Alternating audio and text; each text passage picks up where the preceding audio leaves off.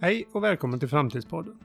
I den här podden tänkte vi prata om de utmaningar och möjligheter som det innebär att ställa om till ett hållbart liv. Jag heter Sören och har jobbat med hållbarhetsfrågor i nästan 15 år. Jag har ett eget företag där jag hjälper organisationer och företag med omställningen, håller föredrag och bloggar kring hållbarhet. Du hittar mig på thefuture.se. Jag heter Fredrik och är 26 år.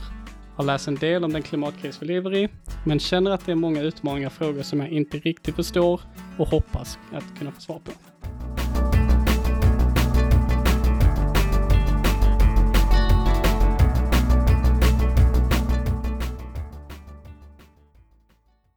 överhuvudtaget har det ju liksom hänt mycket med det här att kunna jobba på distans. Va? Jag var inne, bara titta lite grann för alla som jobbar, har kontorsjobb och sånt idag, har väl, mm. har väl kommit på att det finns liksom Zoom och Teams och de här, när man har möten på nätet va. Eh, och det hade man ju även förut, men det var lite sådär halvtvunget eller ja, det användes en del va. Men alltså Zoom var en att titta på och de, de hade i december 2019 så eh, angav de att de hade ungefär 10 miljoner deltagare per dag i möten via Zoom. Mm. Och vänta lite, för Zoom är video, videochatt. Ja, det är som videokonferens video. eller sånt här va. Eh, och därifrån då december till mars 2020, då har de redovisat att de har 200 miljoner deltagare per dag. Oj. Så det har ju liksom gått ifrån 10 till 200 miljoner va. Eh, tittar man då på Microsoft, deras Teams, som kanske är ett av de vanligaste i, i, på företag och sånt i alla fall. Så de anger naturligtvis lite annorlunda för att de vill ju inte konkurrera direkt som med siffror och sånt där. Men de signalerar att de hade tidigare, och det var väl antagligen vid årsskiftet någonstans, så hade de ungefär 75 miljoner deltagare i möten per dag. Mm. Och, och även de har då haft dagar här nu i mars där de har, där de har kommit upp i nästan 200 miljoner deltagare i möten per dag. Va? De anger det egentligen i 2,7 miljarder minuter per dag. Oj. Men de, de signalerar liksom en 70-procentig ökning av sådana här videomöten och sånt. Alltså, mm. Är det någonting man har lärt sig och blivit duktigare på? Eh, det, det, det kommer jag tänka på också. Jag tyckte jag läste det ganska nyligen också. Det var någonting med att de fick eh, begränsa bandbredden för Netflix, eller något där, har jag för mig jag läste. Efter, eftersom den, alltså så mycket folk lys eller kollade på Netflix, så att, för att inte den skulle ta över annan, alltså för annat ja, bruk ja. Så, så fick de liksom begränsa Kvaliteten Kval, Kvaliteten var det, Kval, ja. begränsa kvaliteten på Netflix, för annars så antar jag att nätet inte pallade med. Ja, eh, det, det, är alltså helt otroligt vilken förändring det kan bli på bara liksom två, tre månader så går vi från fullt, full fart framåt på något vis. Va? Till totalt tvärnit. Mm. Och att vi då så snabbt, det är ju ganska tydligt att människor är rätt duktiga ändå på att ställa om. Va? I alla fall vissa delar av samhället och hur vi jobbar och lever. Så att, eh, nej, det, och jag, kan, jag kan väl tänka mig så här, efter att ha gjort den här resan nu lite grann med, med att hålla allt ifrån möten till, jag har till och med hållit workshops och så vidare på, på, på videolänk då, eller via de här systemen. Alltså det, det, öppnar ju för massa smarta möjligheter. Alltså framtiden kan ju se rätt annorlunda ut när det mm. gäller sånt här. Ja, absolut, och, och, jag kommer tänka på det här också, när, jag tror vi har haft en diskussion innan också.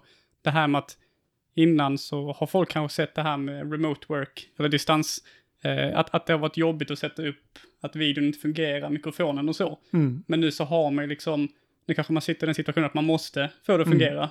Och då när man väl har fått det att fungera så inser man att fan, det här, det här kanske det här är skitsmart ju. Eller mm. det här funkar eh, mm. väldigt bra. En sak som jag har tänkt på väldigt mycket det är ju det liksom att väldigt mycket i Sverige i alla fall, väldigt mycket seminarier, kurser och sånt här är ju ofta i Stockholm. Det är väldigt vanligt att, eh, att folk åker till Stockholm och går på kurs och sånt där. Eh, men nu när, när man till och med i Stockholm då var tvungen så att säga att lägga sina seminarier och kurser och vad det nu är på sån här online-länk eftersom man inte ens i, internt i Stockholm så att säga fick mm. samlas. Så har det ju gjort att tillgängligheten för, för oss som sitter i Skåne till exempel, vi kan vara med på fler seminarier idag. Och vi, vi liksom blir en fullvärdig eh, deltagare i seminariet eftersom alla sitter på länk. Va? Eh, så på ett sätt har ju faktiskt till, tillgängligheten till en del av de här sakerna har ju blivit mycket bättre. Mm, absolut. Nej, jag tycker det är, en, det är en framtidsgrej utan tvekan. Ja, Okej, men då tänkte jag att vi, vi kan hoppa in lite på det här med miljö och så. Och då så har jag en fråga här direkt då. Eh, nu när allting har stoppat lite, hur, hur, har det, hur, hur ser det ut för planeten? Gillar planeten det här eller hur? Ja, jag skulle vilja säga att om jag hade varit planet hade jag ju älskat det här. Va? Eh, för väldigt mycket av de störningar som vi människor ställer till med har ju bromsats upp kraftigt. Va? Eh, jag gjorde ett litet eh, sök på detta, tittade lite grann på hur, hur det har sett ut både i sociala medier men även annars. Och en sak som var ganska tydlig, det, det har cirkulerat väldigt mycket bilder på hur luftföroreningarna över olika regioner har förändrats. Va? Eh, och den vanligaste är väl kanske den över norra Italien och den över Kina som man har sett. Mm. Otroliga förändringar i luftkvaliteten. Och det är, lite, det är lite spännande samtidigt för att det är klart det tyder på att trafik och allting sånt där går ner, fabriker stänger ner och alltihop sånt där. Men det är också så har man konstaterat, eller forskarna konstaterat att om man kontinuerligt utsatt för mycket luftföroreningar så ökar dödligheten i covid. Ja. Så, så det är liksom lite, det är kopplat på mer än ett sätt kan man säga. Va? Sen dök det ju upp en massa sådana här fake-saker också. Det var, jag vet, det var, tidigt kom det någon video som visade delfiner som simmar i Venedig och Mm. sådär. Och det var ju inte alls sant. Det var ju liksom eh, nere i Cagliari i, i södra Italien som man hade sett delfiner och sådär. Men icke desto mindre så har man ju sett att vattnet har blivit mycket renare eftersom det inte är en massa båtar som rör upp och spiller och så vidare. Va? Eh, och de här, det är väl nästan ingen som har miss- missat de här bilderna från norra Indien där, där man i vissa städer för första gången någonsin nästan har kunnat se Himalaya i fjärran. Mm. Så, så det är klart att den typen av Det måste vara förändringar- häftigt också så här bara. Man går ut, alltså, utanför dörren en dag så kollar man upp och så ser man vad fan. Jag tänkte Det om, är stort berg där ju. tänkte om du är ett barn. Du Ja. kanske aldrig har sett det. Och så är det plötsligt en stor bergskedja bara ja, några mil bort om man säger så. Mm. En annan sak som, som har kommit en massa sådana här insändare om det är liksom att folk har kommenterat att de tycker att fåglarna kvittrar högre i städer och sånt. Och man, det har man ju liksom funderat på, gör de verkligen det? Men så är det ju inte, utan det är ju, det är ju i och med trafikbullret och allt det här bakgrundsljudet som vi liksom alltid utsätts för i städer och sånt. I och med att det liksom har försvunnit eller gått ner så otroligt, så helt plötsligt då hör man fågellivet som finns då i städer där det är träd och så vidare. Mm. Så att det finns ju en massa sådana förändringar som är positiva. Man kan säga att jag tror att den påverkan, när människor ser den och upplever den på riktigt. För här får vi liksom en, en chans att se vad det innebär när vi liksom stänger av en massa av de saker vi håller på med. Det tror jag kan vara väldigt nyttigt för folk. För jag menar, om man har sett att luften kan bli så mycket bättre.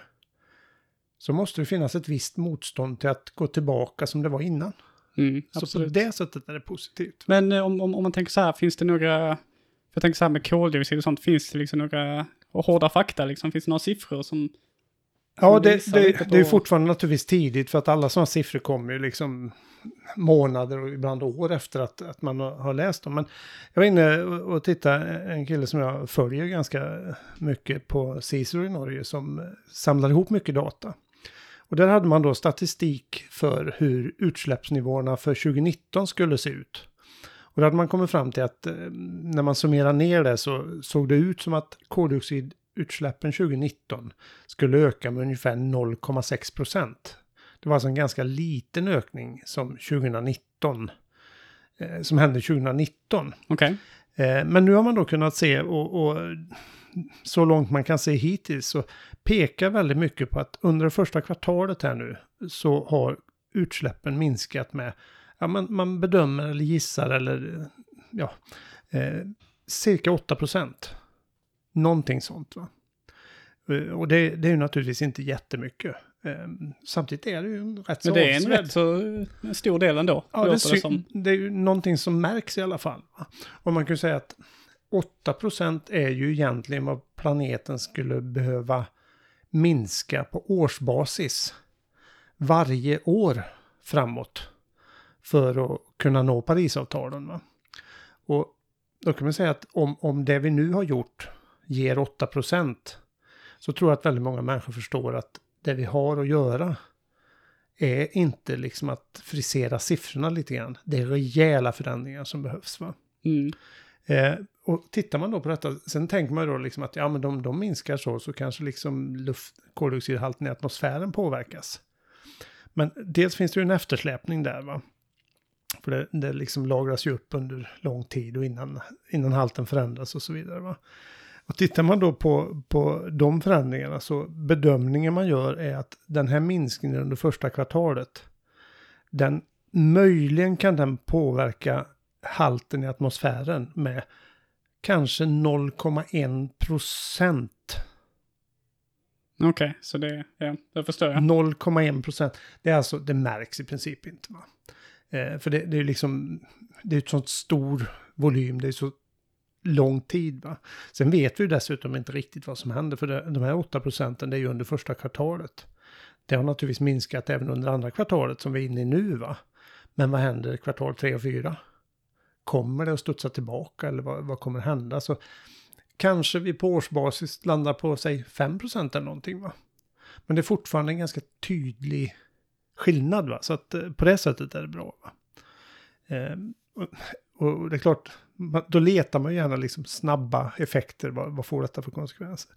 Men det kommer vi inte, det kommer troligen inte att märkas i det stora hela, utan vi måste ju hålla på med detta länge för att det ska bli så här. Mm. Och det är fortfarande så när man tittar på vad som händer och sker, att 2020 är enligt forskarna på väg att kanske bli det varmaste året hittills. Det stora barriärrevet är, är återigen utsatt för en jättestor blekning. I Amazonas har skövlingen av skogen ökat med 50 procent under det här första kvartalet. Så att vi har otroligt stora problem att ta tag i ändå. Va? Mm. Man, man kan ju inte säga att 2020 har varit något bra år än så länge. Det har varit en jäk... Alltså, det mm. blir ju... Nej, alltså det jag, kan det jag kan tycka lite grann det är liksom att detta är en bra, ett bra test på hur samhället eh, fungerar så att säga på olika sätt. Va? Hur vi reagerar på stora förändringar. Och, och det jag tycker, det, det som är tydligt är det liksom att på ja, två, tre månader har vi faktiskt lyckats stänga ner i princip hela världen. Så om vi bara liksom får till den här mm, engagemanget, va? Ja. så ser man ju att vi kan göra väldigt stora förändringar. Och jag tror för många människor som liksom känner att det här med att förändra eh, till ett hållbarare liv och så vidare. Vi kan göra stora förändringar.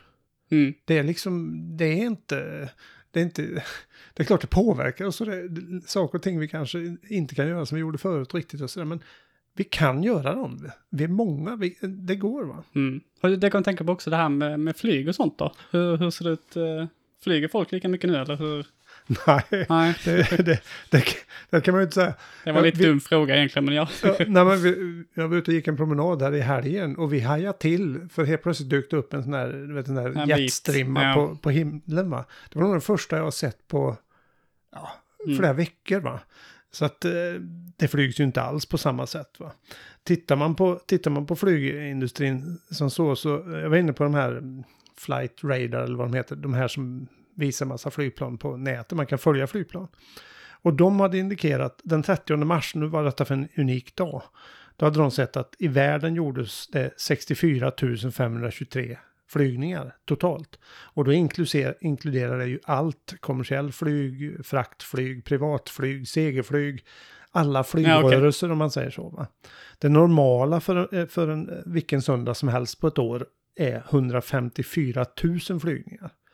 Så jag menar, det är ju mer än en halvering utav flygplansrörelserna va. Och tittar man på passagerarmängden och hur många som flyger omkring va.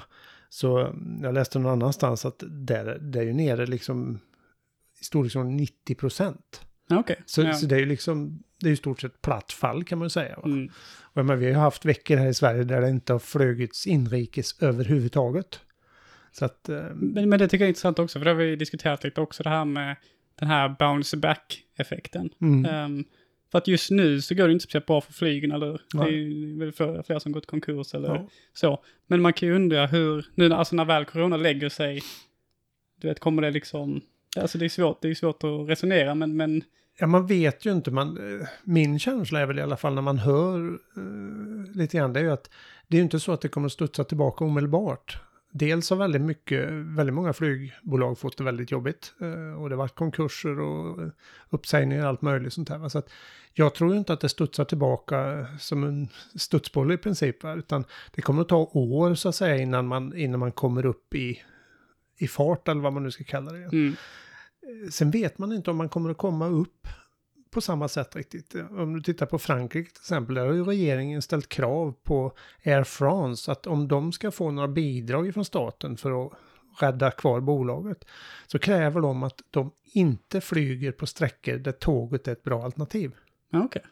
Så att regeringar och länder som är lite smarta här nu, de kan ju utnyttja den här krisen på ett smart sätt va. Nu fick vi en kris. Det hände massa dumma saker, massa folk blev av med jobbet och allt möjligt sånt där. Men låt oss göra något bra av det. Och det, det är ju ett exempel på hur man faktiskt använder krisen och gjorde något bra utav den. Mm.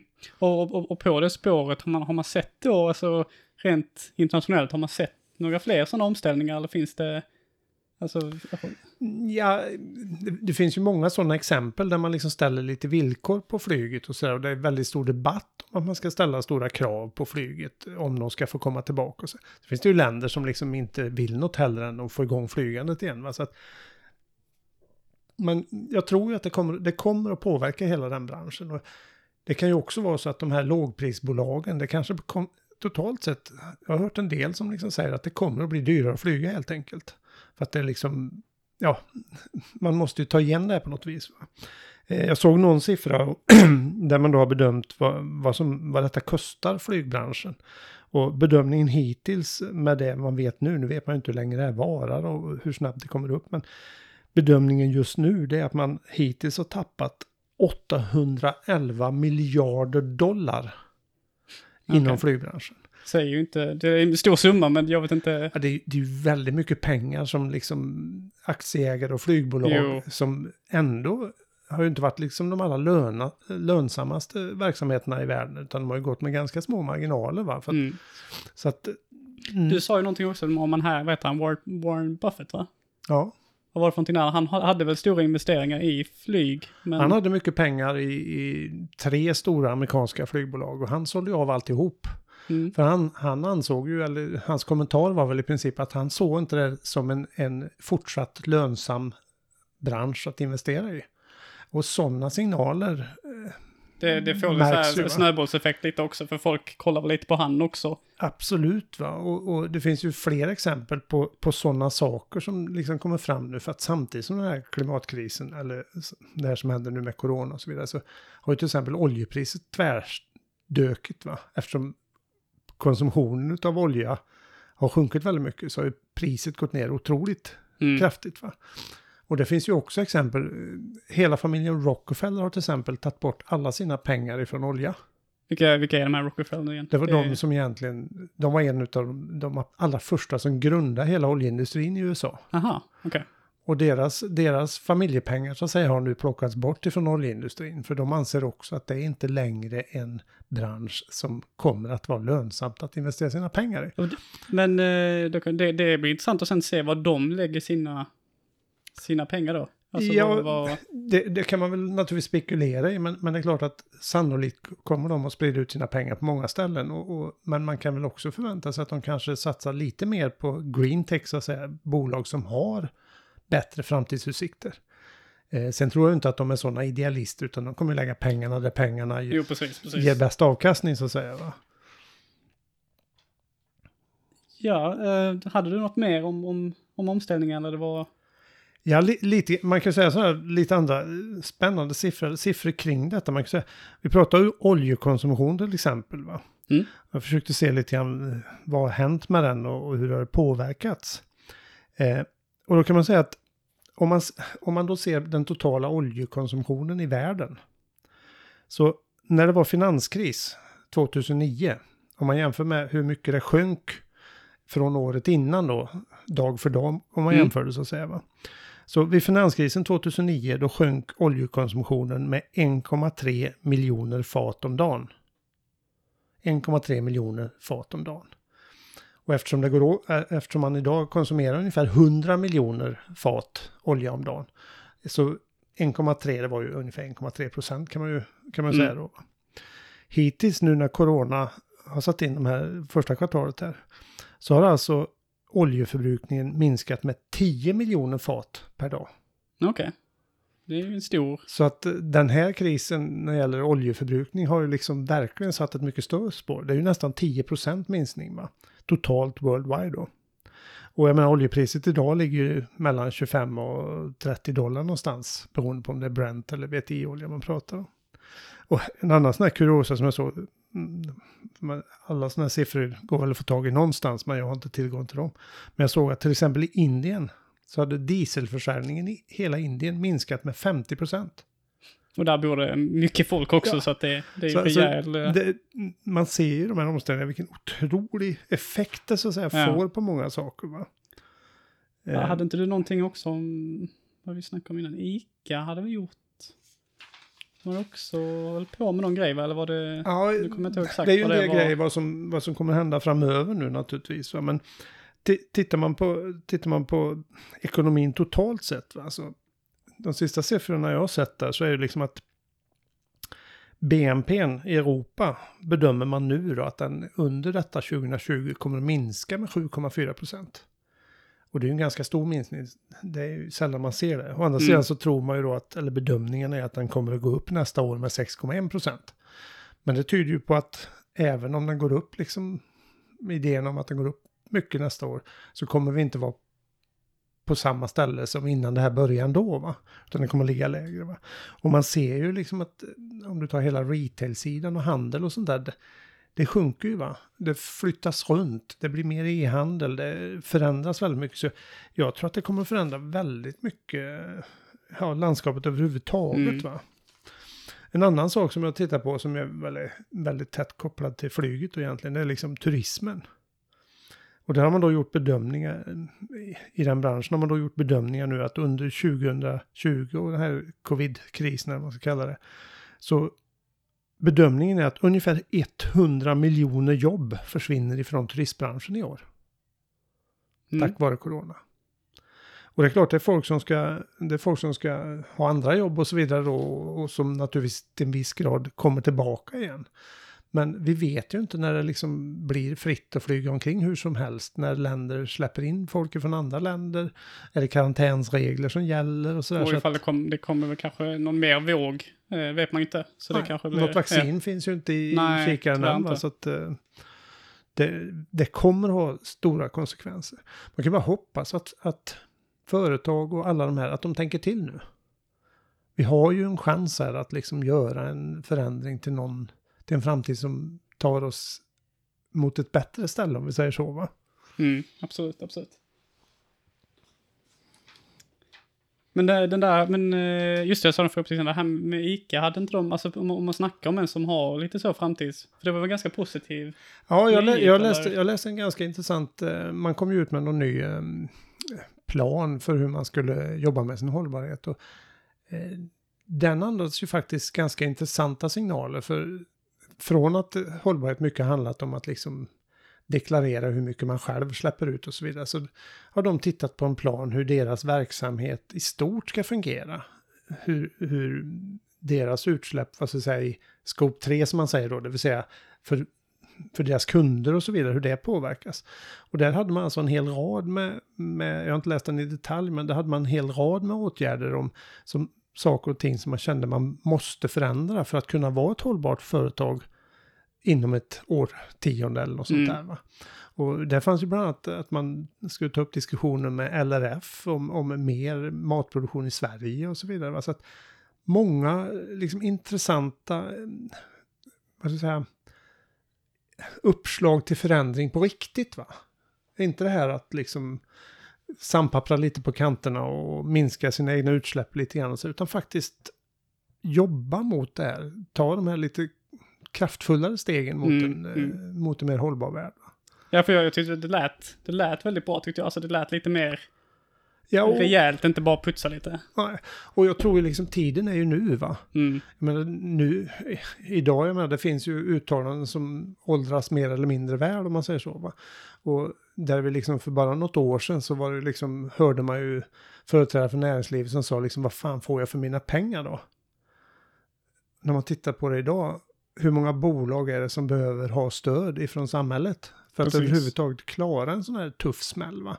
Så att jag tror att insikten hos människor om hur samhället faktiskt är väldigt tätt kopplat och så vidare.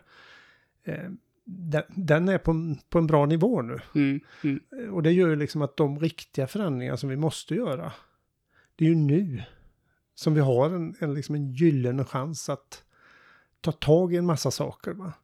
Ehm, och inte bara tänka liksom att ska vi gå tillbaka till normalt nu? För det normala som var förut, det var ju helt onormalt ju. mm. Alltså liksom en oerhörd resursanvändning och luftföroreningar och koldioxid och alltihop sånt där. Vad var det som var normalt med det? Precis. Som är precis nu under corona så man, man hittar ju verkligen vad man värderar. Alltså i livet och så. Mycket, mycket Eh, mer alltså. Så ja. Men eh, ska vi säga så för idag eller vad? Ja, eh, vi får säkert chans att prata om detta fler gånger, men min sån här slutkläm är väl liksom att nu har vi chansen att verkligen göra någon skillnad på riktigt, verkligen ta tag i situationen.